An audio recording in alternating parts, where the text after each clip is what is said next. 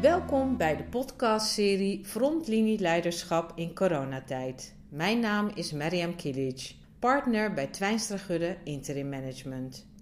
Leiderschap. Wat is dat? En verandert het als er een crisis is?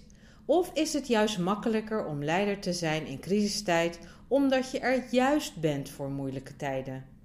In deze podcastserie Frontlinie Leiderschap in coronatijd onderzoeken we wat leiders die aan de frontlinie stonden van organisaties in het publieke domein allemaal hebben doorstaan.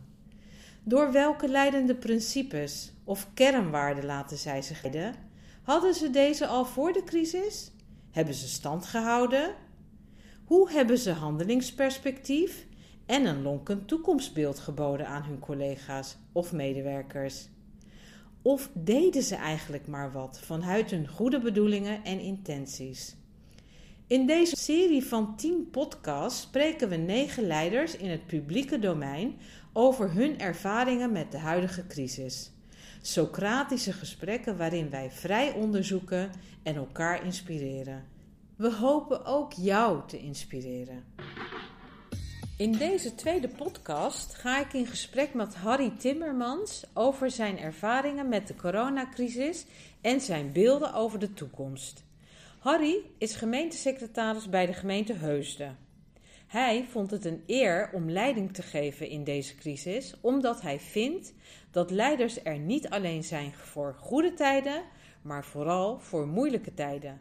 Luister mee en laat je inspireren door Harry.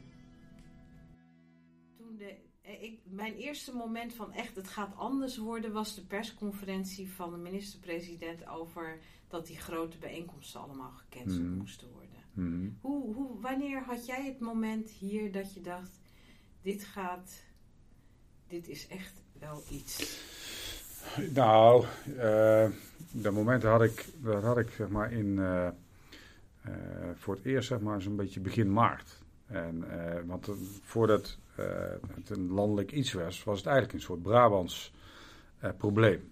Want we hadden de eerste besmetting in, in, in Loon op Zand. Nou, we kennen, we kennen Hanne van Aert, burgemeester van Lo- Loon op Zand, kennen we goed, want die is hier wethouder geweest. Die had ook nog even contact gehad met ons van, goh, wij worden een beetje overspoeld ook met mediavragen. Kunnen jullie even bijspringen? Want we hebben, nou, daar is mijn communicatieadviseur naartoe gegaan. En toen, toen hadden we drie burgemeesters eh, van Brabant eh, die een veiligheidsregio vertegenwoordigden. Die, die gaven een persconferentie en die deden een beroep op eh, zes dagen eh, van eh, sociale onthouding. Zeg maar, als we nou eh, zes dagen ons beperken in onze contacten. eh, en een beetje proberen thuis te werken. Maar, maar, maar- maar we, doen dus eventjes, eh, we doen dus eventjes geen gekke dingen. Hoe kwamen ze tot die kennis?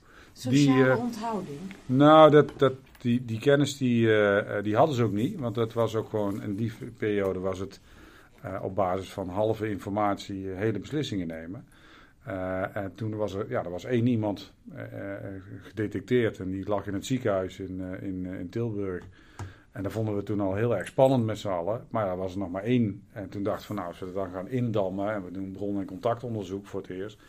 Dan, dan, dan kunnen we na zes, zes dagen hebben diegene geïsoleerd en dan, dan kunnen we weer door met ons leven. Je moet weten dat daarvoor hadden we ook nog carnaval eh, gehad. Dat hebben we nog volle bak eh, gevierd. Gevierd. Ik, ik zie mij nog, ik was uitgenodigd door de gemeentesecretaris van Den Bosch.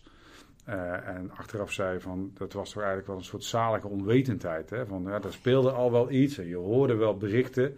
Maar dat was echt iets van ver van je bedshow. En een maand later zat je er zo middenin en waren we op dat moment het brandpunt van de belangstelling. En, en, en toen eh, Bruno Bruins op televisie zei van, we hebben, een, we hebben nu ook in Nederland een eerste patiënt. Dat was een donderdagavond. Ja, dat, dat, dat kan ik me nog wel herinneren. En toen dacht ik van nou eentje, dat, eh, dat, dat was, gingen bij mij ook nog niet de alarmbellen rinkelen. Maar toen was ik eh, in mijn hoedanigheid als voorzitter van de supportersvereniging was ik op verplaatsing naar Telstar. De, de, en was ik met Jong PSV ging naar een uitwedstrijd in IJmuiden bij Telstar. En toen, eh, toen speelde dat ook al van, goh, kunnen we dat nou wel maken of niet? Maar wij gewoon met z'n vijf in de auto naartoe, wisten wij toen op dat moment veel. En toen werd ik s'avonds, het was een vrijdagavond, ik geloof 6 of 7 maart, toen werd ik s'avonds gebeld door het hoofdveiligheid van PSV. Die zei van, Harry, wij gaan eh, de, zondag met 1100 man naar FC Groningen. Eh, maar de RIVM heeft wel gezegd, als je klachten hebt, moet je thuis blijven. Hoe gaan we daar communiceren? Of moeten wij misschien wel de aflassen? Of hoe gaan we dan... Hè? Met de wijsheid achteraf zeg je, je had nooit met 1100 Brabanders de reis naar Groningen moeten maken. Uh, toen zeiden we van, nou ja, weet je, uh, die RIVM-maatregelen gelden ook voor ons. Laten we vooral tegen de mensen zeggen dat ze, als ze klachten hebben, dat ze thuis blijven. Maar laten we dat een beetje vriendelijk doen. Mhm. Door te zeggen, als je fit bent, ga vooral mee. Dus toen hebben we heel andersom. hebben we andersom geredeneerd. Want ja, we willen toch niet betuttelen. Je wilt toch je... Achteraf heb ik me daar, dat moment, dat is bij mij wel blijven hangen. Want omdat er toen zijn we wel met 1100 mensen van Eindhoven naar Groningen gereisd. Ik heb maanden later hoorde ik dat er bij een Champions League wedstrijd van Liverpool tegen een Italiaanse club, dat die wedstrijd is doorgegaan. En dat toen herleid is dat dat toen door dat doorgaan, ja. dat er 41 dodelijke slachtoffers te herleiden zijn tot het doorgaan van die wedstrijd. En toen, toen kreeg ik in één keer een soort van, van, van klap van de molenwiek en dacht van, stel nou dat achteraf uitkomt dat de verplaatsing uh, van 1100 Brabanders naar Groningen uiteindelijk heeft geleid tot een, uh, uh, ja, misschien wel tot dodelijke slachtoffers. Ben ik dan daarvoor verantwoordelijk? Want ik was nog degene die zei van positief herformuleren, als je fit bent, ga vooral mee. En toen heb ik daar wel even mee geworsteld, maar ook eens met, met wat mensen over gespart. Van, goh, hadden we dat nou, hebben we, hebben we daar nou de plank misgeslagen? En toen dacht ik ook al heel snel, ja, maar dit, was, dit had ik nooit kunnen voorzien. Dus los van de intenties, ik had het nooit. Maar toen heb ik wel eens een nachtje wakker gelegen, voor het eerst. En toen dacht ik, oei, dit is serieus. Arie, dat zie je in dat hele maatregelen. soort van. Uh, Mark Rutte heeft het heel vaak gehad over. Wij zijn een. Um, wat waren zijn uh, exacte woorden nou? Het sprak mij heel erg aan. Een soort van. Wij zijn een weldenkend, gezonde democratie. We gaan niet betuttelen. Dus wij vertrouwen op het vermogen van mensen om uh, doordacht te handelen. Uh, versus op een gegeven moment dat het zo uit de, de klauwen liep dat er echt. Hè, toen kwamen er ook woorden als ASO's en uh, ze moeten en, en, en, de, en de boetes. Hoe was dat voor jou hier? Um, dat, dat was uh, soms heel erg schizofreen. Heel erg uh, uh, moeilijk. Omdat, omdat als je gaat kijken ook naar, naar, onze, naar onze overtuiging.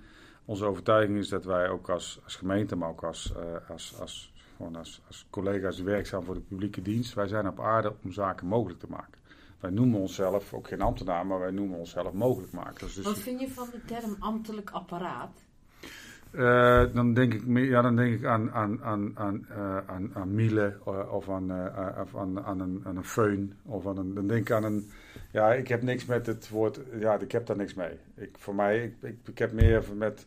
Ik ben, ik zeg altijd, ik ben een trotse ambtenaar en ik vind het fijn dat ik het verschil mag maken voor mensen die het zonder de hulp van de overheid niet kunnen. Dus ambtelijk apparaat vind ik een beetje alsof het een soort instrument is. Terwijl, het, ja, terwijl wij gewoon mensen zijn die, die, die uit overtuiging kiezen voor het publieke belang en dat, dat dienen. Dus ik. Uh, uh, en, de, en, en, en zeggen ook altijd van we zijn, we zijn, we zijn er op aarde om de mensen uh, eigenlijk om ja, vooruit te helpen. Dat, dat, dat, is je legitimatie bestaansrecht als, als, als eerste overheid, de gemeentelijke dienstverlening.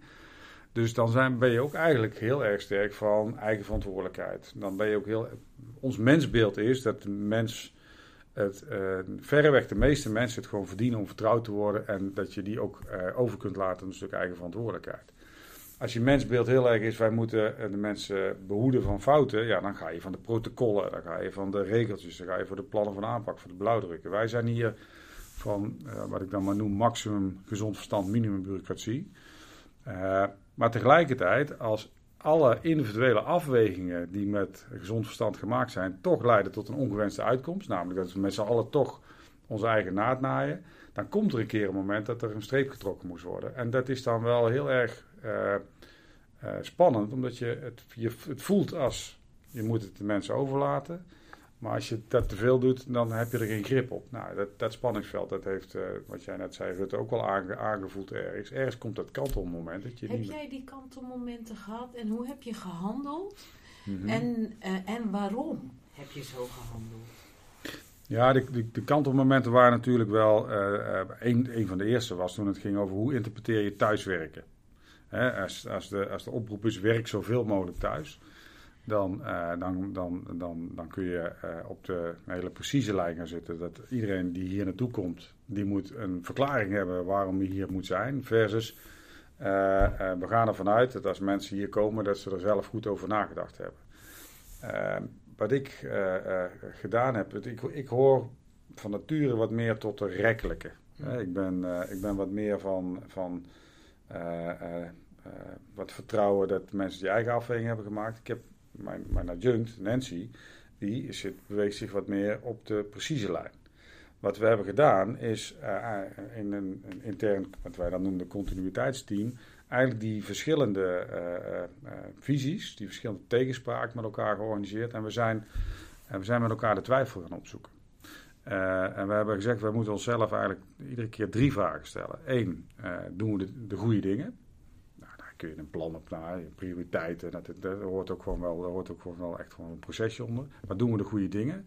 Hebben we de geprioriteerde processen? Zijn dat de goede prioriteiten? Doen we de dingen goed? Als we het dan doen, voeren we ze goed uit. Hè? Dat is gewoon een excellente uitvoering. Maar de derde was eigenlijk de spannendste. Doen we genoeg? En waarom is die spannend? Ja, die, weet die, dat? Die, die vraag, het antwoord daarop, weet je eigenlijk altijd pas achteraf. Dus het is, eigenlijk trek je het discomfort naar binnen. En uh, uh, leiding geven in crisistijd is ook gewoon verdragen dat je uh, onzekerheid te managen hebt. En door dat dan ook tegen elkaar uit te spreken en ook te zeggen, jongens, we gaan een onzekere periode in. We weten zeker dat met de wijsheid achteraf we nu dingen doen waarvan je straks gaat zeggen, dat was stom. Maar dat gaat ons niet weerhouden om de beslissingen te nemen. En we gaan één ding afspreken, we gaan onszelf niet in een kramp zetten. Dus ontspannen. Dus we moeten we moeten fit blijven, we moeten af en toe nadenken over aflossing, we moeten af en toe gewoon eens een dag vrij nemen, we moeten een beetje op elkaar letten. Maar we moeten iedere keer die vraag durven stellen en het ongemak aan durven te gaan, doen we genoeg. En de tegenspraak organiseren. En zo kwam er uh, ook in de discussie van hoe gaan we dit nou doen, kwam er best een mooie balans tot stand. Dus enerzijds meebewegen met de behoefte aan mensen om af en toe uh, hier te kunnen zijn, versus zorgt er wel voor dat we, dat we niet moeten gaan protocoleren, dat, we, dat het niet te druk wordt. Want de individuele afweging, opgeteld bij elkaar, kan wel leiden tot een collectief ongewenste uitkomst. Hmm. En dan moet je weer top-down. En we willen dat. We willen eigenlijk een beetje balanceren tussen eigen verantwoordelijkheid en top-down. Kan je iets zeggen? Net zei je iets heel moois over leiderschap in crisistijd. Mhm. Je zei, het is, je moet accepteren dat, je, dat, er dat het niet, dat er Ongemak. Ongemak in zit. Kan je daar iets over vertellen? Uh, ja, nou, wat... wat, wat uh, dat ongemak vooral. Ja, nou, het, het, het, het, ongemak zit hem, zit hem natuurlijk uh, in dat we... we hadden eigenlijk al vrij snel in de gaten dat we iets aan het doen waren wat, waar, waar, geen, waar geen scenario voor lag. Dus, dus je moet pionieren. en soms moest je op basis van halve informatie hele beslissingen nemen. En we zijn natuurlijk als overheid een beetje uh, opgevoed met het idee van uh, de maakbaarheid der dingen. En we zijn natuurlijk ook in een soort, vaak is dat een uitkomst van een politieke context, heel erg bezig met het vermijden van risico's. En we hebben een, een of andere aandoening als overheid en dat heet risicoregelreflex. Je noemt het aandoening? Ja, dat is dat, dat, dat, dat, wat het verkrampt. En het is weer het is zo tegenstrijdig met het mensbeeld wat je eigenlijk nastreeft met elkaar. Je wil, een voorbeeld van zo'n risicoregelreflex, er is een incident en dan gaan we een generieke regel die voor iedereen geldt, terwijl het eigenlijk bedoeld is om die anderhalf, 2 procent afwijking te detecteren. Dus wij gaan 98% van de mensen door de wasstraat van wantrouwen uh, trekken om uiteindelijk 2% uh, eh, misbruik of ongewenste effecten te detecteren. Dat, dat, vind ik niet, dat vind ik niet rechtvaardig, ik vind het ook niet slim, het is heel erg duur. Dus, dus dat bedoel ik. Uh, uh, met risicoregelreflex als een aandoening. dat, zie je, dat zie je bijna nu ook altijd. Je ziet het overal. maar goed, dat, dat, het, is, het kost heel veel moeite om daar tegen te ageren. En daarom zijn we ook begonnen met de vraag van... maar hoe kijken wij nou? En we is ook onze burgemeester, het college van burgemeester en wethouders... ambtelijke top. Hoe kijken wij nou eigenlijk aan tegen onze inwoners? En bijvoorbeeld, wij hadden van de zomer, afgelopen zomer... was zo ook zo'n kantelmoment... Toen, uh, werden er, uh, toen, werd de, gingen de kermissen konden open, maar er waren ook veiligheidsregio's die zeiden van nou, wij verbieden het. Hm. Nou, wij zitten net uh, op de grens van twee veiligheidsregio's, zeg maar de Bosch en Tilburg. Die van Tilburg, daarvan zei ze, er mogen in onze regio geen kermissen plaatsvinden. In de Bosch zei ze, ik laat het over aan, aan de individuele burgemeesters. En wij zaten voor de vraag van hoe gaan wij nou om met de, de kermis. Toen hebben wij ook gezegd van hoe, hebben nou, hoe kijken wij nou aan tegen onze inwoners? Vinden wij dat onze inwoners dit aan zouden moeten kunnen? gunnen, gunnen wij ze die verantwoordelijkheid? En wij hebben gezegd van nou, tot op heden is het op al die plekken waar we maatregelen hebben moeten toestaan best wel goed gegaan. Hmm. Het is een activiteit in de buitenlucht. Dus we hebben zo'n risicoafweging gemaakt. We hebben gezegd, als we het ons makkelijk maken, de makkelijke weg is verbieden, want dan zal niemand zeggen dat dat een stom besluit is. Maar de moeilijke weg is ook wel een, een, eerbetoon aan het goede gedrag van onze inwoners in de afgelopen periode. Dus laten we het gewoon proberen. En als het in Haars tegen een relatief kleine kermis goed lukt, dan is dat ook de opmaat voor de grotere kermis in Vlijmen. Als je vanuit dat eerbetoon kijkt naar de landelijke maatregelen, wat zou jij anders doen? Uh, ik, ik heb, uh, ik heb uh, me wezenloos geërgerd aan de, uh, de toon van, van de maatregelen. En, en daar zie je toch een soort van, van losgezongenheid tussen wat je als eerste overheid ervaart in de leefwereld van mensen. Hey, mijn eigen leefwereld uh, versus uh, de, de, de, de, de, visuals en de, de, die vanuit de, de, Rijksoverheid kwamen. En voor mij knapte ergens uh, er iets bij ehm, de sneeuw. Toen die sneeuw kwam. Toen, toen, mm. toen was er in één keer, er is nu een probleem, want het wordt zo slecht weer dat mensen kunnen gaan schaatsen buiten. En toen kwam er een sneeuwballenprotocol. Toen was er, uh, het is naar de hand is het van tafel gegaan, maar toen kwam er een sneeuwballenprotocol waarin uitgelegd wordt hoe je op een corona-verantwoorde manier zou kunnen sneeuwballen gooien. en toen dacht ik van, wij zijn in, in, dit land doorgeschoten. Ik was op dat moment overigens uh, binnen de veiligheidsregio uh, Brabant-Noord, was ik ook algemeen commandant bevolkingszorg. En ik heb toen ook mijn positie toen gebruikt om met de burgemeester af te spreken. Wij gaan vanaf nu ook niet meer klakkeloos de Rijksoverheidsboodschappen doorgeven. Wij gaan ons eigen sausje overgooien. Want wij verliezen draagvlak als wij mensen gaan behandelen als kleuters. Dus als je mensen als kleuters behandelt, gaan ze zich ook als kleuters gedragen. Uh, en dat heeft niks te maken met onwil, want dat heeft, maar dat heeft te maken met dat mensen zitten zo lang in zo'n zo'n zo'n koker, zitten zo lang in zo'n frame van dat je denkt dat je met maatregelen het kunt bestrijden. Soort, ook daar een soort maakbaarheidsdenken. Ja, dat, dat je af en toe ook gewoon de weg kwijtraakt. Was het ook een beetje een clash van mensbeelden? Jullie hebben een mensbeeld. En bij dat protocol zat mhm. misschien, lag misschien een ander mensbeeld uh, eronder. Ja. ja, dat, zou je bijna, dat zou je wel bijna denken. En het, uh, daar, zit, daar zit ook onder, denk ik, dat we uh, een soort eenheidsdenken als je gaat kijken naar de maatregelen van. Uh, en, en, en, ik woon in de gemeente Oorschot. De gemeente Oorschot is het kernwinkelgebied, ziet er heel anders uit als de binnenstad van de Mos. En toch is er gezegd van uh, uh, de, de, het regime geldt voor iedereen. Dus we hebben een soort eenheidsworst gecreëerd. en ergens snap ik dat wel, omdat als je het 355 gemeentes apart zou laten organiseren, dan zou je ook zeggen, ja, dan wordt het een jamboel. En je ziet dat nu ook. En daar mag het wel en wij mogen het niet. Dus je krijgt daar ook een soort... Dus het is ook vooral ontzettend moeilijk om het te doen.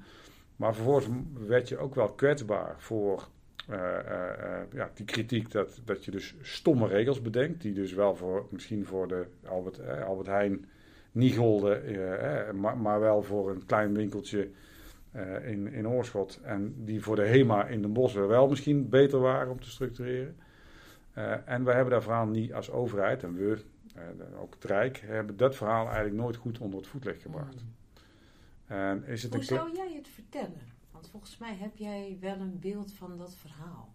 Nou, ik heb het, ik heb het verhaal in de afgelopen periode elke dag verteld. In de periode van maart tot en met juli. Want toen hebben we elke dag een soort lief dagboek uh, geschreven naar onze, onze mensen. Dus we hebben elke dag onze mensen meegenomen in onze dilemma's.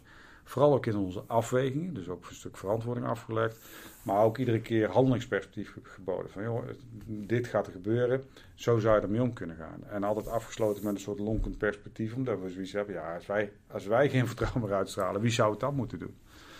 Uh, uh, ik heb dat verhalen vertellen. perspectief de afgelopen maanden heel erg gemist dacht, oké, ik wil het wel, ik wil het wel doen, maar geef me iets van hoop. Ja. Hoe belangrijk is dat hoop voor jou in dat lonkend perspectief?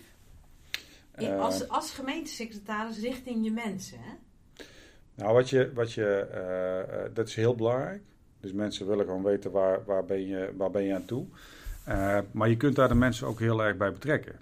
Uh, wij, wij, want je kunt het allemaal zelf verzinnen, maar je kunt het ook gaan vragen. Wij hebben acht dus werkbelevingsonderzoeken gedaan. Dat hebben wij genoemd centimeter. Hè. Dan meten we het sentiment van hoe, wat is je algemene welbevinden. Maar we hebben nou ook gevraagd van, goh, Stel nu dat er dadelijk een persconferentie komt waarbij gezegd wordt, er kan weer langzamerhand wat meer. Hè, dus wat zou jij dan eh, graag willen wat we als eerste weer mogelijk maken? Uh, als mogelijk maken. Ja, nou ja, dat, uh, en, en dan, zeggen, dan, dan blijkt dat 49% van onze, onze collega's zegt, dan zou ik wel weer een live clusterontmoeting willen hebben.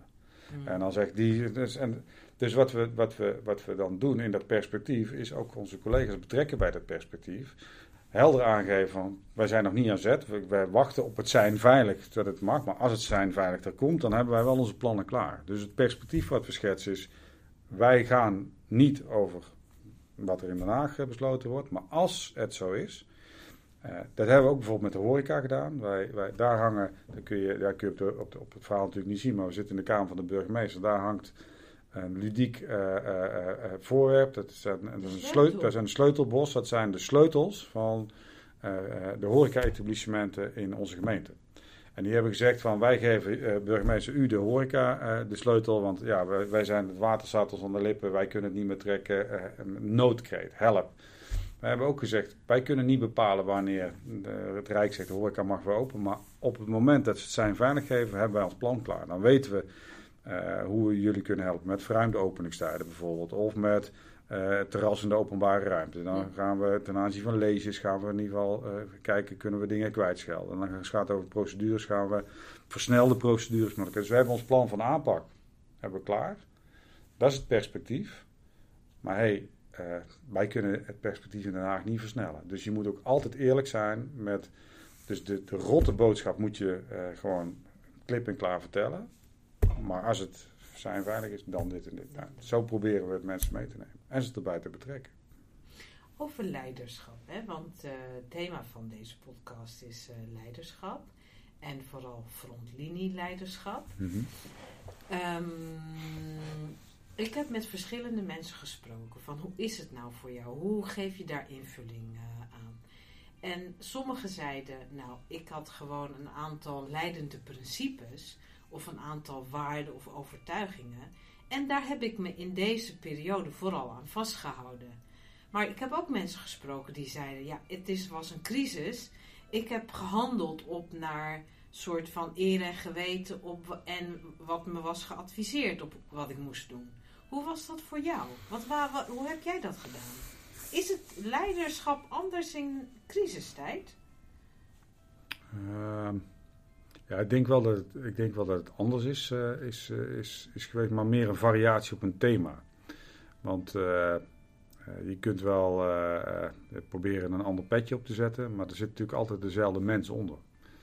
Ehm, ik denk wel dat er, dat er bepaalde, bepaalde zaken worden geaccentueerd. Hè? Dus, dus in het begin, in een echt in een acute crisis, daar komt zeg maar, de daadkrachtige kant komt naar voren. En dat is, dat is heel erg top-down, tak, tak, tak. Maar deze uh, crisis had niet alleen maar iets van daadkracht. Uh, want op een gegeven moment heb je je prioriteiten wel gesteld. Op een gegeven moment heb je je continuïteitsplan uh, heb je wel klaar. En, maar die kwam, ik, ik vond vooral heel erg mooi dat ik nog verder bevraagd werd op de verbinding. Want ehm, van twee gemeentehuizen naar 300 gemeentehuizen, dat vroeg ook wel over hoe organiseer je nou verbinding op afstand? Hoe blijf je nou hoe blijf je in nou... verbinding met je mensen op met, met, met de mensen. En, en... Je zei, er werd een beroep op me gedaan. Werd, werd er of voelde jij dat er een beroep ik, op je Nou, ik deed, een, ik deed ook een beroep op mezelf. Uh, in de zin van... Uh, uh, ik had voor mezelf heel sterk het idee van... Deze, een crisis definieert je leiderschap. Dus ik had voor mezelf echt wat het idee van... Oké, maar nu worden de, de jongens en de mannen van elkaar wel gescheiden. Of de meisjes en de, en de vrouwen... Uh, Harry, hoe wil jij straks herinnerd worden? Uh, dus ik had heel erg het idee van. Dat was het gesprek dat je met jezelf. Ja, en ik, ik had, ik had, die zin vond ik het ook wel gaaf om mee te mogen maken. Want ik denk van. Ja, weet je, in de zon staan uh, op, op, een, op het Stadhuisplein met de kampioenschaal, dat kan iedereen. Maar even in voetbaltermen. Maar als het stormt en het regent en jij bent de kapitein op het schip en mensen vertrouwen nou, zeg maar, het aan jou toe, hoe gaaf is dat? Dus nu moet je, nu moet je eigenlijk je leiderschap definiëren. Nu moet je, hier ben je eigenlijk voor besteld. Dus ik had voor mezelf heel sterk de overtuiging, ja, maar hier ben ik van. Dit is waarom ik het ooit uh, gewild heb. En natuurlijk vind ik het leuk om in de belangstelling te staan en credits te en zo, oh, wel goed en dit en dat. is je ijdele kant, als het goed gaat. Maar als het moeilijk is, dan moet je er staan. Het is een Iraanse schrijver uh -huh. uh, van Huis van de Moskee. Ik ben even zijn naam kwijt. Die heeft uh, hele mooie boeken geschreven. Mm -hmm. En een tijdje terug heeft hij zijn eigen Koranvertaling mm -hmm. geschreven. En uh, het leven van de profeet. En dat heeft hij gedaan vanuit zijn. Dus niet vanuit hè, de soort van hoe het vanuit de kerk of de moskee, maar vanuit zijn visie. En wat ik zo mooi vond, hij zei op een gegeven moment: Alles wat ik hiervoor heb gedaan, was een voorbereiding op dit. Ja. Wat waren de dingen die je hiervoor hebt gedaan, wat een voorbereiding was op het moment de jongens gaan zich scheiden van de mannen? Uh, ja, vind, vind, ik eigenlijk wel, vind ik eigenlijk wel een moeilijke, omdat het. Uh, voor mij is er niet zo heel erg een waterscheiding tussen wat ik, wat ik deed of mijn overtuigingen uh, voor corona en nu. Uh, um, wat, ik, wat ik wel merk is dat het, het is een soort ultieme test geworden. In de zin van, en hoe waardevast is het dan allemaal? Hè? Dus als je nu bijvoorbeeld gaat kijken, we hebben de afgelopen jaren best wel met elkaar uh, geïnvesteerd om duidelijk te maken, waar zijn nou onze kernwaarden? Uh, een van onze kernwaarden bijvoorbeeld is klantcentraal. Dus je wil echt het verschil maken voor je inwoners. Hoe vertaal je nu klantcentraal in coronatijd? Nou, dat, dat is een mooi vraagstuk. Wij hebben dat bijvoorbeeld vertaald in uh, uh, daar waar andere gemeentes hun milieustraat een beetje dicht tegen in verband met uh, besmettingsgevaar, hebben wij de, de, de openingstijden verruimd. Omdat we zoiets hadden. Gewoon mensen, het, is, het was prachtig weer. Mensen werken thuis, dus ze hebben tuin, een tuintje op te ruimen, een zolder op te ruimen. Het was drukker dan ooit. Dus ja. we hebben het, we hebben klantcentrale is ook gezegd, wij willen onze dienstverlening zo lang mogelijk, zo normaal mogelijk uh, en houden. aanpassen aan wat er gebeurt. En, en meevoelen met, goh, als ik nou thuis zit, wat zien we dan gebeuren? Ja, dan gaan mensen een tuintje doen, want ze hebben meer tijd. Uh, ze kunnen, uh, dat gaf overigens ook wel een spanningsveld, want daar waar, waar ik in het begin vanuit dienstverlening getriggerd zei, ja, ik wil jongens, het moet meer open, had ik uh, ook wel te maken met zorgen van onze eigen collega's. Die zeiden van, ja maar Harry, zijn wij dan een soort proefkonijnen? Want oh, ja. jij stelt dus ons ook wel bloot aan inwoners die wel hier naartoe willen. Kunnen we niet massaal overstappen naar alleen nog maar werken op afspraak of digitaal? Versus, we hebben ook nog mensen, soms een oudere generatie, we hebben ook nog 15% die niet digitaal onderlegd is. Die wil je juist in deze tijd ook niet verliezen aan erbij betrekken. Nou, daar het gesprek over aangaan. Ook het ongemak ervaren van spanningsveld tussen dienstverlening en het gevoel van onveiligheid van medewerkers. Dat moet je niet onder het tapijt vegen. Dat moet je voor bij elkaar aan tafel gaan zitten. En dan moet je bespreekbaar maken. En dan moet je afspraken over maken. En beheersmaatregelen en wat iets meer zijn. Maar wat dan vooral van belang is, is dat er een, een cultuur is waarin mensen zich vrij voelen om alles met je te delen. Als jij een angstcultuur hebt, of je bent een hele hiërarchische cultuur, of ik kom binnen als gemeentesecretaris en zo duiken, want daar komt de hoogste baas. Versus, hé, hey, daar is Harry, dit is een kans om samen dingen bespreekbaar te maken. Ja, met dat tweede kom je veel verder. Ja. Uh, uh, dus, dus als het gaat over kernwaarden, klantcentraal, maar we hebben ook dialoog en samenwerking. Samenwerking is ook, dus we gaan het ook opzoeken met de horeca, met het onderwijs. Met, dus we zijn met partijen uh, gewoon de dialoog gaan aangaan. En dan aanspreken en verantwoordelijkheid. Als je met elkaar dingen afspreekt vanuit vertrouwen en verantwoordelijkheid, maar mensen sodemieteren de boel, ja, dan geldt ook, ergens is er een grens, high trust, high penalty. Uh, maar we gaan ervan uit dat jij als ondernemer ook bij de horeca beter weet hoe je je terras uh, coronaproof moet in, dan dat er hier een ambtenaar gaat zitten en zegt, dit is een protocol, dan heb je tien pagina's. Dus die kernwaarden, die hebben we juist ook in onze aanpak van de coronacrisis gepakt, waarbij we eraan toegevoegd hebben ons mensbeeld. En dat mensbeeld is van hoe kijken wij naar onze inwoners. Was dat toen nieuw? Nee, dat zat er eigenlijk, dat hebben we geëxpliciteerd. Want het zit, dat zat er wel onder. Het zit er eigenlijk in verweven, dus in die kernwaarde klant centraal. Want ja, je stelt eigenlijk niet iemand centraal die je niet vertrouwt. Ja. Uh, dialoog en samenwerken, je wilt samenwerken omdat je vindt dat mensen het aan moeten kunnen. Dromen doen neuzen. We rollen de rode loper uit voor mensen met een droom, want die weten precies wat ze willen. Daar zat altijd wel een aansluiting bij de leefwereld onder, maar dat is zeg maar, ook nog ja, geëxpliciteerd en nog robuuster en nog fundamenteler gemaakt in coronatijd. Um, en is het daarmee dan meer echt jullie manier van leven geworden? Ja, dat vind ik, dat vind ik, vind ik een beetje spannend, omdat, omdat uh, dan, dan, uh, dan ga je ook wel heel erg ver. Maar, de, misschien mijn vraag even verduidelijken. waarschijnlijk was, is het niet altijd zo geweest. Hè? Die ja. kernwaarden, ja. die een deel was misschien wel echt van jullie en een deel was iets misschien waar je naartoe wilde ja, groeien. Ja, dat snap ik hem. Ja. Um, en uh, dat mensbeeld, uh, dat was er misschien ook niet. Of bij een deel van jullie wel en een deel van ja. jullie niet. Maar daarvan hebben jullie met elkaar gezegd, dat is ons mensbeeld. Dat ja. houden we vast. En mijn vraag is eigenlijk, zeg maar, helpt een crisis dan om dat te ja. bezegelen ja. of zo? Nee, nou snap ik hem. Maar en, en, en, en, en, en de uh, antwoord daarop is ja. Uh, we hebben ook, uh, kijk, dromen doen neuzen als slogan en mogelijkmakers heeft natuurlijk ook iets van een beetje catchy, een beetje kek, een beetje aansprekend, arbeidsmarktpropositie.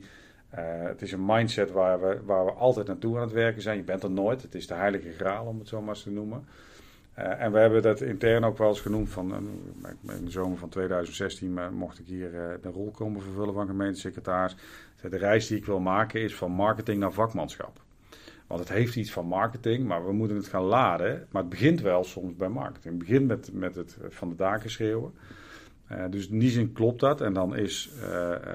kijk, corona is, is, is natuurlijk een systeemtest van de eerste orde. Het een systeemtest van, ook van je kernwaarden. Maar het is ook een, een examen wat je doet in onzekerheidskunde. En die twee die versterken elkaar heel erg. Hè? Dus, dus je, je wordt ook of, of afgefakkeld of gevalideerd in waar je voor staat. Nou, ik heb, ik heb echt het idee dat wij hier met heel veel trots mogen zeggen dat we zijn gevalideerd in waar we voor staan. Mm. En dat ook corona en, die, uh, en de wijze waarop we elkaar meegenomen hebben, uh, hebben geleid tot ja, niet alleen maar samen door de crisis, maar ook samen Team Heusden. Dus het Team Heusden gevoel en de taal die hoort bij mogelijkmakers. Mm. Maar dat komt ook omdat we een half jaar lang gewoon elke dag een lief dagboek uh, gepusht hebben. Waarom hebben jullie het lief dagboek genoemd? Nou, nee, het heet, het heet een corona-update, maar dat is meer... Dat Jou, is, zijn dat, dat, jouw woorden? Dat is meer, dat is meer, dat zijn, dat, ik noem het dan in, in de volksmond lief dagboek. Uh, en, en, en het, het, aardige is, we, we, hebben, we hebben eigenlijk een boek geschreven met al die updates. We hebben iets van 70.000 woorden. Dat is een manuscript van, dat is, dan heb je al best wel een dik boek. We gaan nu ook dat bewerken tot een soort terugblik. Uh, die we van de zomer willen uitgeven voor, voor intern gebruik. Een soort, soort corona-terugblik. Omdat we juist ook dit geleerde lessen van de corona in relatie tot onze kernwaarden willen vasthouden. En dat ook sowieso als een terugblik op een unieke periode, maar ook bijvoorbeeld aan nieuwe collega's kunnen laten zien. Van, goh, zo deden we het, of zo voelen we het. Er zit zoveel gevoel, er zit zoveel trots, er zit zoveel leerdingen in. Ook van, van dat we achteraf zeiden, deden we het wel goed. De twijfel naar binnen trekken, ja, dat is toch wel heel erg. Dat klinkt heel, heel simpel. Maar hoeveel organisaties durven de twijfel te expliciteren als de omgeving heel onveilig is? Dan is dat niet. Dan is dat kan niet je daar meer over vertellen? Hè? Dus het ongemak organiseren vind ik wel interessant. Ja. Want hoe doe je dat? En wat is daar, uh, uh, als je het hebt over zeg maar de overgeprotocoliseerd ja. of een negatief mensbeeld. Ja. Want die, heb, die, die, die zijn niet weg, hè? Nee. Dus die, die, die steken zo uh, de kop op. Ja. Hoe ga je daarmee om? En, en de twijfel mm-hmm. toelaten zit daar natuurlijk. Is dat eigenlijk hetzelfde ook, hè? Ja. Maar die dingen die ik jou nou vertel, die hebben wij ook gewoon letterlijk opgeschreven. Jij, je, hebt, je, hebt, je hebt ooit de updates, uh, in ieder geval een hele versie, heb jij kunnen zien. Dus je weet ook wat toonzetting daarvan is. Je weet ook wat, ja, hoe open, maar ook soms ook, kwetsbaar het is. Dus, dus termen als kracht of kwetsbaarheid, die we gewoon benoemen, je twijfel benoemen. Wat wij, uh, een van de dingen die wij hebben gedaan vanaf, vanaf de eerste update, is delen met onze gemeenteraad. Dus wij hebben onze, onze gemeenteraad, die kreeg in, gewoon s'avonds via de griffier, dus niet rechtstreeks, er hoort een griffier tussen zitten. kregen die elke keer de update in de organisatie. Dus die gemeenteraad die heeft per dag kunnen meekijken naar de afwegingen, de dilemma's, de, eh, eh, maar ook gewoon de succesfactoren. Even, als ik nu, als we, nu we maken nu de jaarrekening op over 2020, hè, dus deze periode. Als je gaat zien hoeveel projecten er gewoon gerealiseerd zijn. Dus, dus, dus ondertussen hebben we gewoon ook nog de business gedraaid. Ondertussen hebben we ook nog gewoon onze projecten gedraaid. Ja, daar, als je daarin mensen meeneemt, dus transparant zijn, je, je afwegingen helder maken, daar zit voor mij de sleutel. Dus wij zijn, je moet gewoon altijd, uh, ook als leider, heb je, de, heb je, je, je, je hebt de bevoegdheden. Maar daar hoort ook de verantwoordelijkheid bij om je te vertellen hoe heb je daar waken. Dat hebben we denk ik, dat hebben we denk ik gewoon, misschien zelfs wel maniacaal, want het was wel een puistwerk om elke dag ook de inspiratie te vinden om, om dat te doen. Te maar dat, dat is wel een sleutel van succes. Transparantie, kwetsbaarheid. Ja, ik vind dat als ik daarop terugkijk, dan, uh, dan ben ik daar eigenlijk wel het meest trots op. Ben je trots op het verhalen delen? Ben je trots op dat je verhalen hebt kunnen maken? Ja. Of ben je trots op dat je. De, eh, want ik vind het, het beeld is namelijk, het beeld was, als mensen thuiswerken zijn ze niet productief. Ja. Maar ik hoor van heel veel gemeentesecretarissen dat het werk gewoon door is gegaan. Ja, nou waar, waar, ik, waar ik misschien over waar ik trots op ben, dan zal ik dadelijk nog wel even die vraag beantwoorden. Wat, een van, wat, wat wel een van uh, de zaken was die voorbij kwam van, of ik kreeg een keer een vraag van iemand die zei van Harry, maar als jij nou, als mensen nou thuiswerken, hoe weet jij dan of ze productief zijn? En toen zei ik van, ik zeg, als wij hier zitten te vergaderen en er zitten 300 mensen hier zitten, uh, zijn, zijn aan het werk die ik niet zie, omdat ik met jou zit te vergaderen, hoe weet ik dan of die mensen productief zijn? Het is toch niks, er is toch niks veranderd? Hey, als ik het idee heb dat ze niet productief zijn, dan moet ik een ander gesprek gaan voeren. Maar ik durf ook te vertrouwen op het, uh, uh, op het vakmanschap, op het beoordelingsvermogen en op de intenties van mensen om gewoon hier te komen om niet te vanteren. En dan zitten er misschien wel bij die land te vanteren, maar dat was ook voor corona en daar moeten we een ander gesprek mee voeren.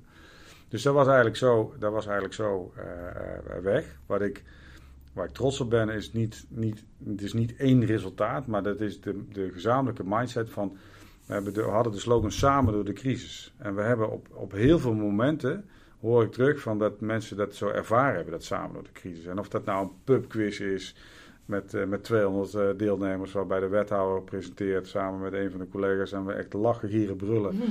Of we hebben uh, met elkaar meegemaakt dat een collega in coronatijd is komen te overlijden en we hebben elkaar vastgehouden in het verdriet. Of het is dat we trots zijn op de dingen die wel zijn doorgekomen. Het, gevoel van samenhorigheid, het, het taboeloos durven te bespreken van zaken die spelen in de organisatie.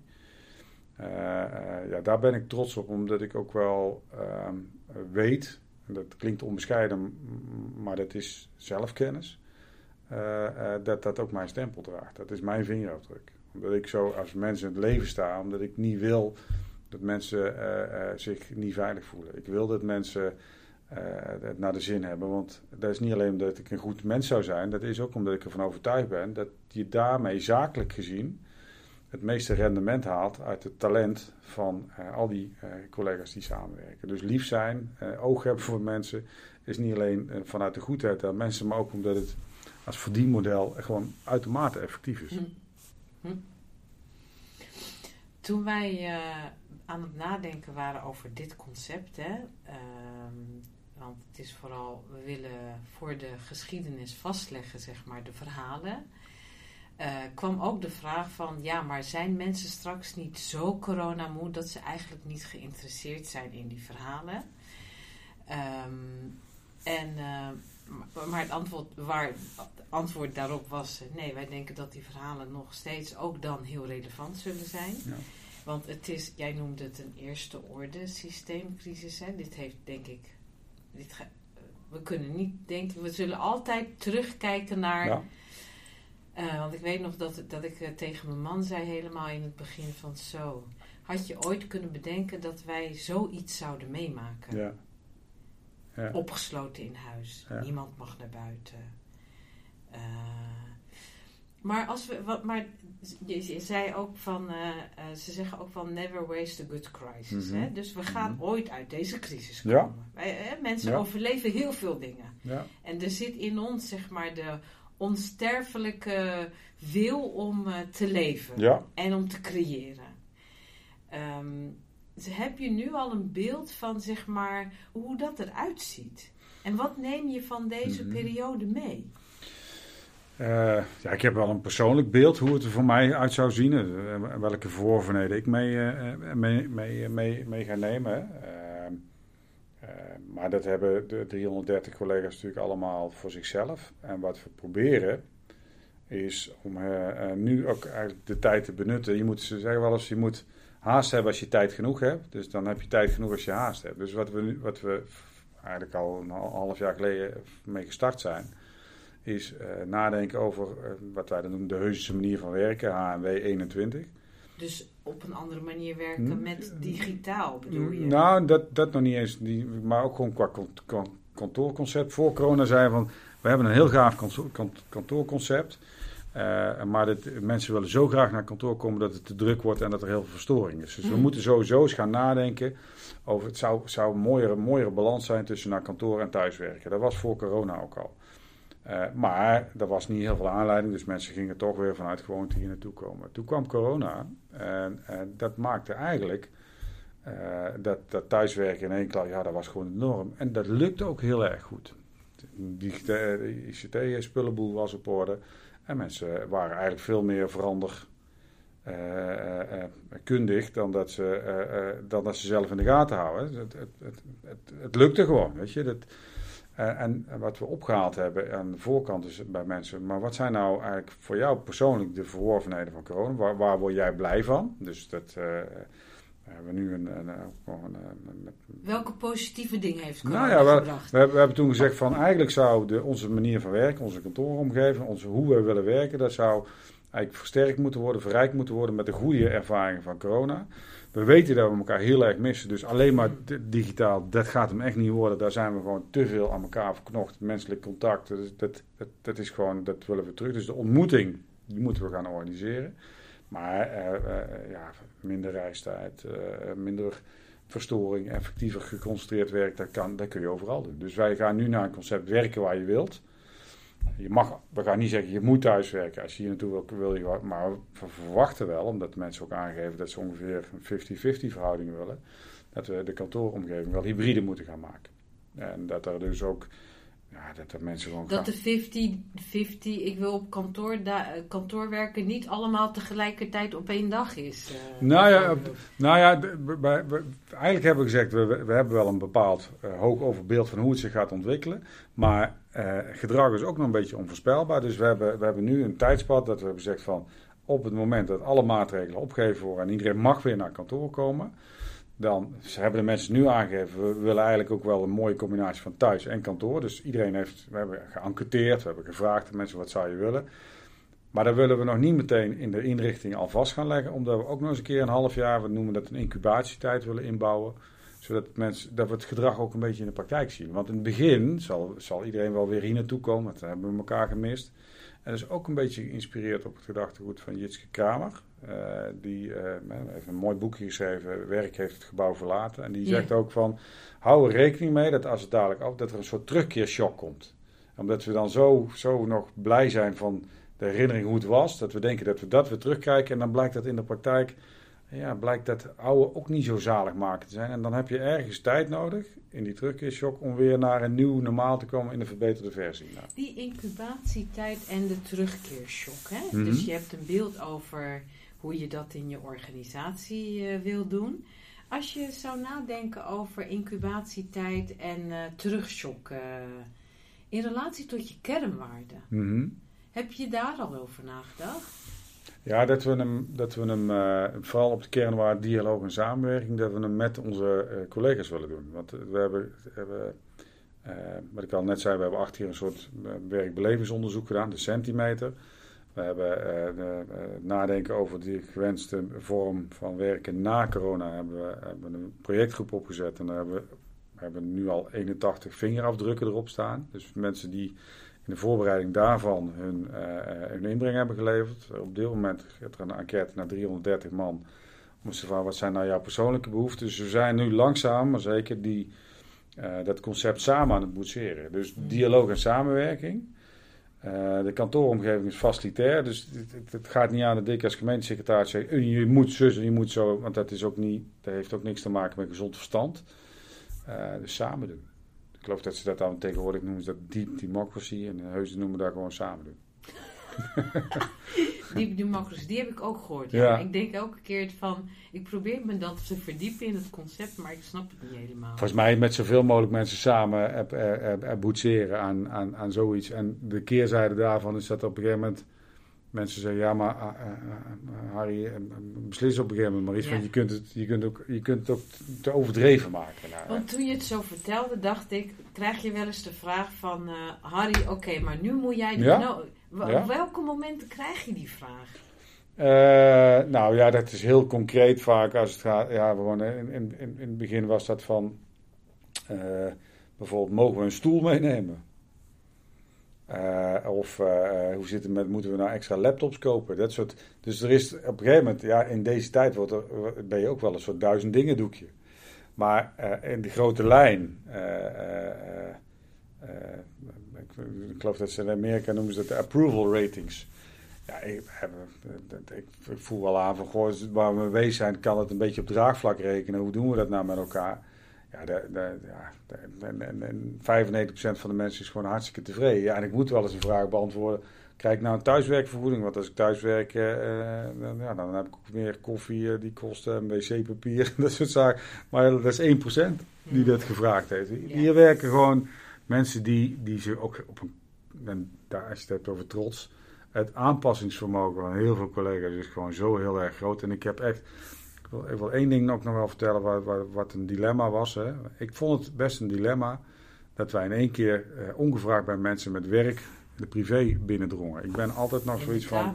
Ja, je bent, er is nog iets als, als, als je eigen voor, achter je eigen voordeur heb je ook nog je eigen vrijheid. Maar wij drongen massaal met werk de voordeur de voordeur binnen. En ik heb in de periode uh, december, uh, november, december heb ik uh, iedereen gebeld die ik nog niet in dat jaar had gesproken. Dus ik heb ik had voor mezelf een soort target gezet. Ik wil, ik wil gewoon de persoonlijke verhalen weten van mensen. En wat ik daar hoorde, was van met name ook van, van, van vrouwelijke collega's.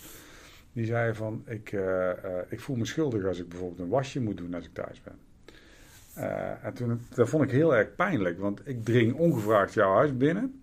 En dan voel je je in je eigen huis nou schuldig als je die dingen doet die nodig zijn om jouw gezin draaiende te houden. Dat, dus uh, uh, we hebben het thema je schuldig voelen ook gewoon echt bij de kop gepakt. En ook in wat deed dan bij ons de op de Week in onze wekelijkse uitzending ook bespreekbaar gemaakt. En ook gezegd van, ja, ik kan het je niet verbieden om je schuldig te, te, te voelen. Maar alsjeblieft doe het niet. En er, als jij nu in één keer met, door thuisonderwijs uh, aandacht moet geven aan je kinderen en je haalt even je uren niet, dan durf ik erop te vertrouwen dat jij zelf in staat bent om het evenwicht te bewaren en te zeggen van uh, oké, kies nu voor mijn kinderen. En dan gaan wij uh, echt niet met de passer en de meter je uren tellen. Want ik geloof ook wel, als we jou dat vertrouwen geven, dat jij dat vertrouwen terugbetaalt op het moment dat het jou wel beter uitkomt. En dat is niet om 11 uur s'avonds, want dan moet je gewoon rusten. Want ik wil fitte mogelijkmakers. Ja. Want morgen is er weer een dag. Fitte mogelijkmakers vitaliteit. Zorgen dat je je, zorgen dat je, je je rust pakt, je slaap pakt. En als dat betekent dat jij door, door externe omstandigheden gedwongen in plaats van 36 uur misschien maar 30 uur maakt, ga jij je alsjeblieft niet schuldig voelen over die 6 uur en ga niet krampachtig proberen in te halen, want dat komt wel een keer. Als je dat vertrouwen durft te geven aan je mensen, dan, uh, dan hoorde ik achteraf ook terug dat dat net even het comfort bood om uh, door te gaan. Elke keer als ik vertrouwen krijg, dan ga ik twee keer zo hard lopen. Ja. Uh, dus ik ben benieuwd hoe je. Waarschijnlijk krijg je dat uh, al terug. En je gaat het. Ja. Het is een spaarrekening ook, ja. hè? Ja, waarbij we wel hebben gezegd: we gaan niet, met, we gaan niet afrekenen. Hm. We gaan niet. Uh, dat deed ik niet voor corona. Ik kijk nooit naar iemand zijn uren. Ik kijk, je, dat is. Dat, dat, dat is ook een soort najagen van een spreadsheet werkelijkheid die, die in de praktijk niet, niet werkt. Eh, maar in zijn algemeenheid, eh, die mensen die ik sprak, die hebben, eh, die, je werkt niet voor niks bij de gemeente Heuzen. En iedere iedere collega-ambtenaar in Nederland is ooit aan het werk gegaan om, om de rekeningen te betalen. Zo simpel is het ook. Hè. Je, moet, je, moet gewoon, je moet gewoon inkomen hebben. Maar je, ook omdat je het, het, mooi vindt om voor de publieke zaak te werken. En bij sommige mensen is dat in de loop van de tijd een beetje ondergesneeuwd. Dus die zijn dat misschien een beetje vergeten. Maar hoe gaaf is het dat jij voor de eerste overheid kan werken? En de uh, gemeente Heus heeft als slogan Dromen doen Heus. Als je dat googelt, dan krijg je uh, berichten over. Is ongeveer de slechtste slogan die alle tijden. Want er is geld over de balk smijten. Daar krijg je hele mooie kritieken over. Maar ik werd er verliefd op. Waarom? Omdat het voor mij staat voor dromen, staat voor verbeeldingskracht. En doen staat voor uitvoeringskracht. Als er toch één bestuurslaag is ja. die de verbeeldingskracht kan koppelen aan de uitvoeringskracht, dan zijn het toch gemeenten. Hé, dan mogen wij voor werken. Hoe gaaf is dat? Ja. Weet je, dus het is ook een revival van het belang van, van gemeentes. Corona is getrokken en uitgevoerd door heel veel gemeentes. Uh, de vluchtelingencrisis, toen de Turkije-deal werd gesloten door uh, onze premier, dat was mooi, in Brussel uh, aan de tafel. Er waren onze collega's in de gemeente Heuzen die in de Marienkroon 300 jonge kinderen opvingen. weet je, de eerste overheid, kom op. Weet je, die, de, de, Zeker. Als we ooit hebben bewezen dat we relevant zijn, dan, dan is dat nu. Ja.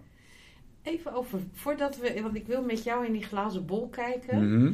Maar nog heel even over wendbaarheid. Want de kritiek wat, uh, wat uh, zeg maar, mensen die de overheid niet goed kennen en de, zeg maar, het wereld van de ambtenaren niet goed kennen, die denken, het beeld is, ze zijn niet wendbaar, ze zijn niet flexibel, ze zijn houden vast aan allerlei regels en protocollen. Mijn beeld is dat deze coronacrisis heeft laten zien dat we juist heel wendbaar en flexibel zijn. Hoe kijk jij ernaar? Waar zag je mhm. dat wel en mhm. waar werd het moeilijk? Ik vind het, uh, ik, voor mij is het beeld een beetje uh, wisselend. Ehm, omdat ehm, ehm, er nou, laat ik, dan, laat ik dan zo zeggen. Als je de meest regelgedreven uh, gemeente van Nederland wil worden, uh, dan uh, kun je vandaag beginnen het morgen zijn. Dan pas je namelijk de regels toe en dan, dan, dan maak je het jezelf heel makkelijk, want dan kun je 95% van alle nieuwe initiatieven nee zeggen. Omdat de regel eigenlijk bijna altijd een gestolde situatie uit het verleden is en die nauwelijks handelingsperspectief naar de toekomst biedt. Wat vind je daarvan? ik vind dat best wel pijnlijk. Nou, dat, dat, heeft, dat, heeft, dat heeft gewoon te maken met, met, met dat, dat regels naar zijn aard. Ja, die, die, daar zit bijna, daar zit eigenlijk, die voorziet niet in onvoorziene omstandigheden. maar er is bijna in elke wet een hardheidsclausule. En ik ben een jurist die, die een fan is van de hardheidsclausule en die ook fan is van gewenste precedentwerking. en die zegt van als de toepassing van de regels niet uh, in, redelijkheid leidt tot de bedoeling van die regels, dan heb je een afwijkingsgrond. En, en, daar, en daar zit voor mij, daar zit voor mij, uh, daar zit voor mij het verschil. Er zijn echt gemeenten die zijn heel regelgedreven. Uh, en die zijn echt op processen en protocollen. En die zeggen van joh, ik ken een gemeente die zegt van als je het terras open wil doen, ondernemer, hier is de checklist. En als je die helemaal invult, dan krijg je een vergunning. Versus gemeentes, en daar behoorde Heuzen toe, die zei tegen de horeca van joh, jij weet het best hoe je dat op anderhalf meter... Geef maar aan hoe jij het wil en dan toetsen wij dat marginaal. Ehm, dus het beeld van dat corona heeft bewezen dat we allemaal uh, wendbaar zijn, dat vind ik, dat vind ik, dat vind ik niet, daar kan ik niet overal staven. Ehm, ik durf uh, in uh, Heusden wel te zeggen dat wij echt wel gekeken hebben naar ja, bedoeling, afpellen naar de lokale situatie. Een, voorbeeld daarvan is niet alleen die horeca, maar ook die kermis wat we straks over hebben. Een dorp verderop zeggen nee, we doen het niet. En een dorp uh, verderop zeggen we ja, we doen het wel. Het zijn, het zijn exact dezelfde vraagstukken. Uh, en daar zit dus de menselijke weging bij. En dat heeft wel met mensbeeld weer te maken. Mm. Durf je erop te vertrouwen dat je inwoners die verantwoordelijkheid aankunnen? Of niet? Wat zag je in de um, psychologische wendbaarheid bij mensen? Of bij jezelf misschien? Laten we het bij jou houden.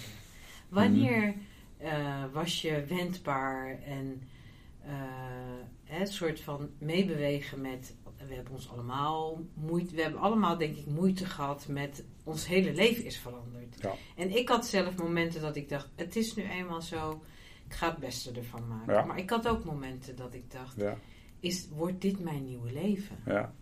Hoe was dat voor jou? Ehm, ja, dat is, dat is een soort hartslag. Eh, en, die, en die, ik kan me nog herinneren, in het begin van de crisis was ik helemaal, helemaal hyper de pieper. Want toen, weet je, dan, dan word je op je rooie, op je daadkrachtige kant word je bevraagd. En dan adrenaline en dat is allemaal nieuw. Dus ik had vol energie. Totdat ik erachter kwam, ja, maar dit hou ik niet. Dit, dit is zo smijten met, eh, met, met dat hou ik niet vol. Eh, dus dat, dat zo'n moment van hoe ga ik het fysiek ik kan niet ik kan niet zeven dagen in de week 24 uur per dag aanstaan dus ik moet iets voor mezelf gaan organiseren. Dat was een soort kantelmoment dat ik dat ik, dat ik mezelf daarin tegenkwam.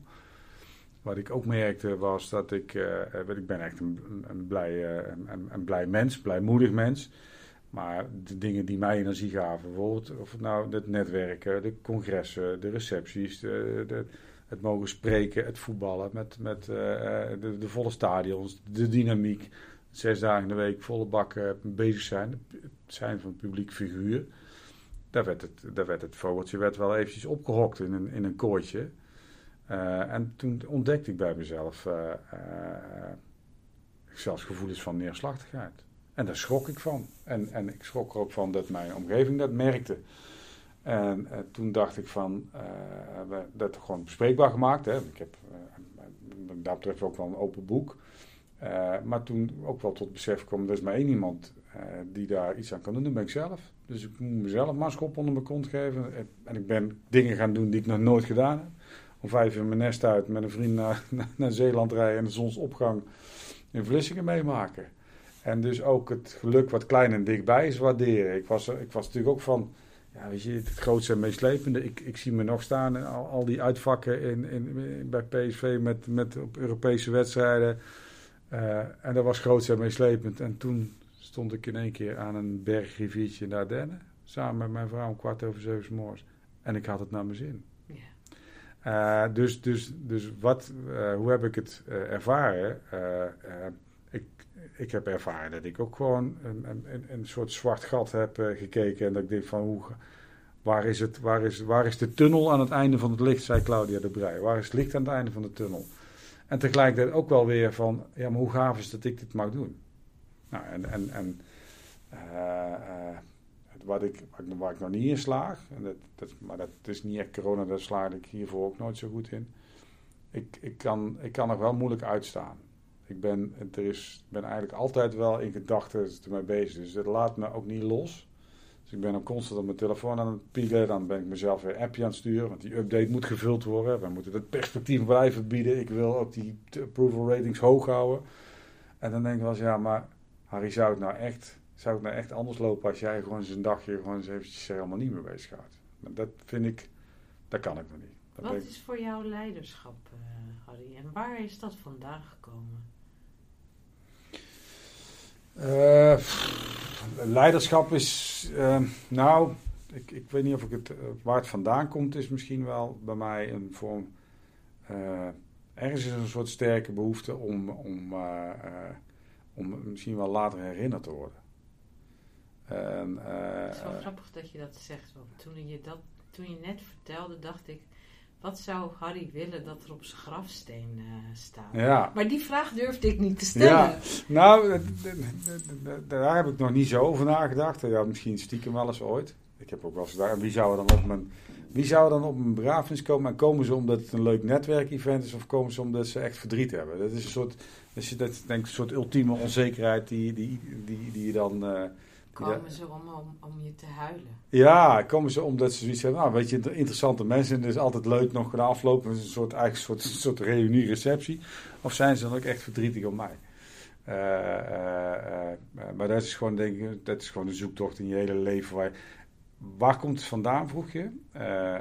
Ik, ik denk dat voor mij is het wel. Ik, de, ik heb de sterfelijkheid van het leven wel mogen ervaren. door de vroege dood van mijn ouders. Eh, mijn moeder is in eh, eh, 31 jaar geleden bij, ze is in 1990 gestorven. Eh, en en mijn, eh, mijn, eh, mijn vader in 2002. En voor mij is het eeuwig leven eh, eh, dat, je, dat er nog over je gepraat wordt. Dus, dus mijn, mijn ouders leven voort in de verhalen. En eh, ik voel me ook schatplichtig om die verhalen te blijven vertellen. Om ze daarmee te blijven eren, omdat ik niet wil dat ze vergeten worden. En stiekem zit daar misschien ook wel een soort van in van hoe zorg je nou voor dat je zelf niet vergeten wordt. En aan de andere kant, als alle die miljarden mensen die ooit eerder zijn gestorven allemaal niet vergeten moeten worden, dan, dan is het, ergens houdt het ook gewoon een keertje op. Maar daar zit, we, daar zit misschien wel een soort, waar komt het vandaan? Een soort van, ja, niet vergeten te willen worden. En ja, toch, wel, toch wel het idee dat je wel op aarde bent gezet om iets goeds te doen. Om, om, om, om, om die tijd die je is om iets bij te dragen. En uh, dat, is, dat is meer dan alleen geld verdienen. Dat is ook gewoon een beetje het goede doen voor mensen. En het is helemaal niet erg als je dan ook nog een keer... Uh, ja, hoe, ja nee, dat klinkt negatief. Het is dan juist heel eervol dat je dat voor de publieke zaak mag doen. Want dat, ja, dat heb ik van thuis uit meegekregen. Want je vader, moeder was? Nou, mijn, mijn, mijn, mijn, mijn, vader was uh, ook, ook publieke dienaar. Dus jarenlang directeur geweest van het wonenbedrijf van Eindhoven. Nou, dan had ook directeur van een dienst geworden. Dus die is de, publieke zaak. En dan kop, eh, woningbouwcorporaties, ook als jongeling, jong kind al heel veel meegekregen van ook de rafelranden van, van de samenleving, hè, de urgenties. En ik, ik was dan, klaagde dan wel eens uit, zei uh, mijn vader, dat zou nu niet meer mogen met privacy.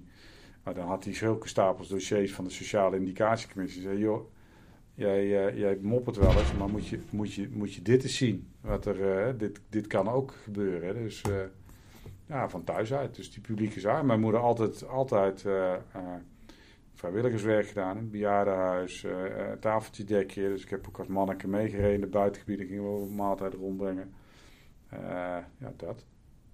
En, een hele belangrijke van thuis uit meegekregen, je mag je nooit meer voelen dan een ander. Maar uh, uh, je hoeft je zeker ook niet minder te voelen. Dus, dus het gelijkwaardigheidsprincipe. Dus ik, heb, ik heb, uh, ben echt opgevoed, je moet respect hebben voor iedereen. Maar je hoeft voor niemand ontzag te hebben. Dus dat, dat verklaart misschien ook wel de keerzijde van dat ik een wat getroubleerde verhouding heb met mensen in uniform. Dus ik had altijd aan de stok met scheidsrechters op het voetbalveld. Dan denk ik, ja, alleen omdat jij zo'n gek pakje aan hebt, mag je mij een rode kaart geven. Waar slaat dat op? Of een agent die, die bekeuring had, daar had ik dan altijd wel moeite mee. Maar dat zit er ook, dus ook dat van thuis uit. Van, uh, als ik mijn hiërarchie, mijn strepen en mijn sterren nodig heb om hier iets voor elkaar ja. te krijgen, dan, dan is dat macht. En ik wil het op basis van de kracht van mijn argumenten, mm. en op basis van dialogen, want dan is het gezag. En dat is voor mij leiderschap, dat je het natuurlijke gezag hebt om, uh, ja, als het erop aankomt, uh, ja, de goede dingen te doen voor, je, voor de mensen waar je voor werkt. Mooi. Toekomst glazen bol. Ja. Ja. Wij, never waste a good crisis, hoorde ik in het begin van de crisis heel vaak. Ja. Ik hoor hem nu niet zo vaak meer, omdat mensen heel erg verlangen naar dat, naar dat oude. Ja. Wij zijn, uh, ik hoop, ik uh, twee jaar of drie jaar verder, alles onder controle. Wat hebben we meegenomen? Wat zou je echt van het diepste vanuit je hart willen dat we meenemen uit deze crisis? Nou, in, in, in ieder geval, um, de, de, de, volgens mij is de mythe een beetje doorgeprikt dat, uh, dat de mens niet zo verander, niet zo goed in staat is tot veranderingen. want als wij voor corona een discussie hadden moeten voeren over meer thuiswerken, dan zou, mensen, dan zou dat een ingewikkelde discussie zijn. En nu zeggen mensen, we hebben het meegemaakt van, goh, het is eigenlijk heel erg meegevallen. de mens leidt het meest door het lijden wat hij vreest, maar wat nooit opkomt dagen. Uh, uh, corona heeft gewoon bewezen dat we echt wel tot veel meer verandering in staat zijn dan. Uh, dat bedoelde ik met die wendbaar en flexibel. Dus dat, is, dat heeft. ik denk dat we het ook keihard nodig gaan krijgen, dat inzicht. Want als je gaat kijken naar tussen de oogharen, en ik ben geen Nostradamus, verre van dat, maar je zou met een beetje fantasie COVID kunnen zien als een soort vingeroefening voor wat er achteraan komt, is recessie. Nou, daar zijn we ook wel een beetje. We weten ongeveer wel hoe economische recessie moet. Uh, of, maar de hele transitie die ook uh, gepaard gaat met klimaatverandering, de hele, hele energietransitie. als je in termen van golfjes kijkt, dan, dan is COVID best wel een flinke golf. Maar is die recessie, daar komt nog eentje, eentje overheen. En dan is de klimaatverandering is misschien nog een veel grotere veranderopgave waar we met elkaar voor staan. Uh, en in die zin zou je ook kunnen zeggen van goh, de, de goede ervaring dat we echt wel tot meer in staat zijn, tot wat fundamentelere veranderingen in staat zijn, die zullen we ook keihard nodig hebben, willen we een ramp met het klimaat en de ramp met de aarde kunnen, uh, kunnen afwenden. En we zitten nu nog in zo'n fase dat we in een kabinetsformatie een beetje zitten te fruttelen, tuttelen op de komende vier jaar. Terwijl eigenlijk in de sterren staat geschreven, als wij tot 2050 niet de goede beslissingen nemen, ja, dan, dan hebben wij uh, in 2050 een onleefbare planeet. En dan gaan we allemaal naar de galmiezen. Ja, dat, dat, dat we dat besef meenemen, uh, uh, dat er echte grote transities voor, voor aanstaan zijn, we echt meer aan moeten doen dan een beetje tuttelen in de marge. Dat hoop ik dat we meenemen. En voor hier? Voor de samenleving, maar ook in, in, het, zeg maar, in het besturen van een gemeente? Uh, ik, ben, ik, ben, ik ben heel erg uh, uh, blij met de manier waarop als het gaat over het bestuur van, van deze, hoe, die, hoe we in de afgelopen periode zeg maar, samen zijn opgetrokken. Met de raad. Met de raad, met het college. Dus, dus zeg maar de. de ik ben, als het gaat over de lokale situatie, dan, dan, dan, dan prijs ik mij gelukkig met hoe hier de, de, de, duale verhoudingen, maar ook de samenwerkingsverhoudingen zijn, zijn geweest in de afgelopen periode. En ik, ik hoop heel erg dat we dat met elkaar kunnen, kunnen vasthouden. vasthouden. Want heeft het, jullie, het heeft jullie tot elkaar gebracht? Het heeft, het, het, er was al, vond ik altijd al een hele, uh, hele vruchtbare uh, manier van samenwerken. Uh, maar het heeft, het heeft ja, het, het, corona zie, zou ook een soort onthechting en een verwijdering hebben ja, kunnen doen ja. plaatsvinden. Ik vind dat we dat hier met elkaar goed, goed, goed geregeld hebben. Goed, nou, dat, dat is geen kwestie van regelen met regeltjes, maar dat we elkaar goed vastgehouden hebben. Jij liet me net in de trouwzaal van het gemeentehuis een, uh, de, uh, een uitspraak, of hoe, hoe, noem je dat? Ja, een spreuk op de, spreuk. Op de schouw van het, uh, van, van, voor de open, boven de open haard. Ja, één, eendracht maakt macht. die, waarom laat ik die zien? Omdat ik, ja, dat, is een, dat is ook een strofe in het clublied van PSV. Maar het is ook een uh, strofe uit het uh, uh, onofficiële zeg maar volkslied van de voormalige gemeente Vlijmen. En eendracht maakt macht. sommige mensen slaan wat aan op dat woordje macht, hebben we het net over gehad. Hè? Maar dat is een, dat is een, een oude klassieke term. Het staat ook met M-A-G-T, yeah. oud-Nederlands geschreven. Maar die eendracht maakt macht, dat, dat, zegt ook wel iets voor jongens. Dus we moeten elkaar vasthouden als we, als we het samen doen. En wij uh, dan komen we gewoon verder. Dus daarmee, dus samen kracht maken, uh, uh, ja, dat zit hier ook wel in de genen. Dat, dat, dat, dat voel ik ook zo. Dat hadden we ook met PSV. Met PSV toen, toen, toen was er vrij snel dat de directie van PSV en, en wij elkaar opzochten en zeiden van... Jongens, hoe gaan we nou ervoor zorgen dat we die loyaliteit van supporters, dat we die ook met elkaar... ja, dat we daar niet, zo, niet met elkaar verliezen, maar juist gaan versterken. Er zijn 26.000 seizoenkaarten verkocht. Uh, op basis van een verhaal waarbij mensen aan de voorkant wisten: je loopt het risico dat je het geld kwijt bent zonder dat er iets voor terugkomt. Hm. Dus het eerlijke verhaal, uh, uh, heel goed schetsen van waarom PSV dat geld nodig had, maar ook, de, ook, ook gewoon wel heel zakelijk als ik aan de supporters moet vragen om de volle map te betalen. Terwijl we wel zien dat de topsalarissen gewoon doorgaan, dan, vraagt dat, dan, dan, dan matcht dat niet. Ik wil ook dat er nagedacht wordt over een salarisoffer. Nou, dat, gewoon dat bespreekbaar maken en dat verhaal transparant maken. Ja, dat zit hier in Brabant wel een beetje in de genen. En dat is ook wat ik zelf voel. Uh, dus ja, daarom wilde ik het jou even laten zien. Eendracht maakt macht. En ik hoor je ook wel zeggen dat zeg maar door corona die spreuk misschien ook meer tot leven is gekomen. Ja, wij hebben hem, wij hebben hem vertaald naar samen door de crisis. Ja. Uh, en uh, kijk, het is heel makkelijk om leuke uh, uh, slogans te verzinnen. Hè? Samen Wat kijken. jij zegt als de marketing ja, die je moet laten. Ja, ja, dus, dus, dus ook dat was natuurlijk een beetje marketing en ook het lonkende perspectief. Maar dan moet je dan wel laden, je moet wel de bewijslast leveren. Want als je alleen maar leuke rijmpjes kunt verzinnen en mensen voelen het niet, dan word je een karikatuur. En, uh, en er zijn heel veel leiders die dan een soort karikatuurfiguur worden. En uh, dat onderscheidt zeg maar de echte leiders van de mensen die een kunstje opvoeren. Dat is het, het, echte gezag en het echte autoriteit en de authenticiteit versus ik doe een kunstje. En hier doen wij geen kunstjes. Wanneer heb je jezelf ooit betrapt op dat je dacht, hmm, dit voelt een beetje als kunstje. Ja, ja, jawel. ja, jawel. Uh, ik ben ook niet van zonde en van, van zonde vrij. Hè? Uh, nee, soms is dat. Soms. Ik heb dat wel eens op, bij netwerk-events, of bij recepties, of dat je. het mooiste voorbeeld vond ik mijn collega, een zeer gewaardeerde collega Atte Kroon oud-gemeentesecretaris van Helmond onderhand. Hij is nu collega-secretaris hier in de, in de Langstraat in de gemeente Loon op Zand. Die vertelde een keer het verhaal van zijn vader. Die voor de spiegel aan het oefenen was voor het ontvangen van een koninklijke onderscheiding. En toen las hij, uh, was dat een soort speech die hij dan uh, voorlas. En dan zei hij van, uh, deze koninklijke onderscheiding die komt voor mij als een, grote, dan draaide hij zijn blaadje om, verrassing. Ja, natuurlijk. Weet je, we zeggen, we hebben allemaal wel eens een beetje dat, uh, dat je ook gewoon de, je positie of het decor moet inzetten. Maar over het algemeen uh, is, dat, is dat eigenlijk. dat is eigenlijk wel een goede vraag. Want je prikt, je prikt het eigenlijk wel een beetje door. Maar mensen zullen wel zeggen van, als het over mij gaat, die kunnen dat wel onderscheiden. En die kennen ook de echt Harry. Hm. Wat zou je als uh, slotzin willen hebben in die podcast? Als we het hebben over frontlinieleiderschap in coronatijd? Ja, wat ik, wat ik het, uh, um, eraan overhoud is dat ik, dat ik me gezegend voel dat ik dit mag doen.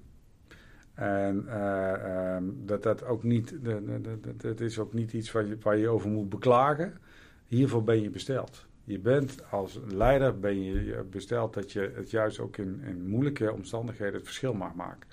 Dat is, dat, dat is wat bij mij blijft hangen. Dat had ik ook van, vanaf, vanaf het begin af aan. Van dit definieert hoe mensen uiteindelijk naar jou kijken. En, en ik, ik heb voor mezelf me voorgenomen dat, ze me, uh, dat ik wilde dat mensen me herinneren als van hij heeft op een, uh, op een, op een hele mooie manier ons, ons aan de, mee aan de hand genomen.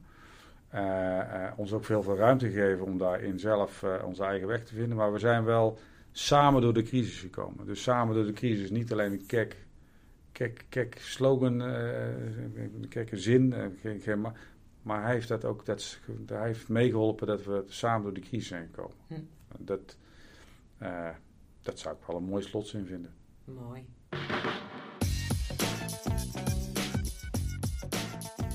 Bedankt voor het luisteren naar deze aflevering van de podcast.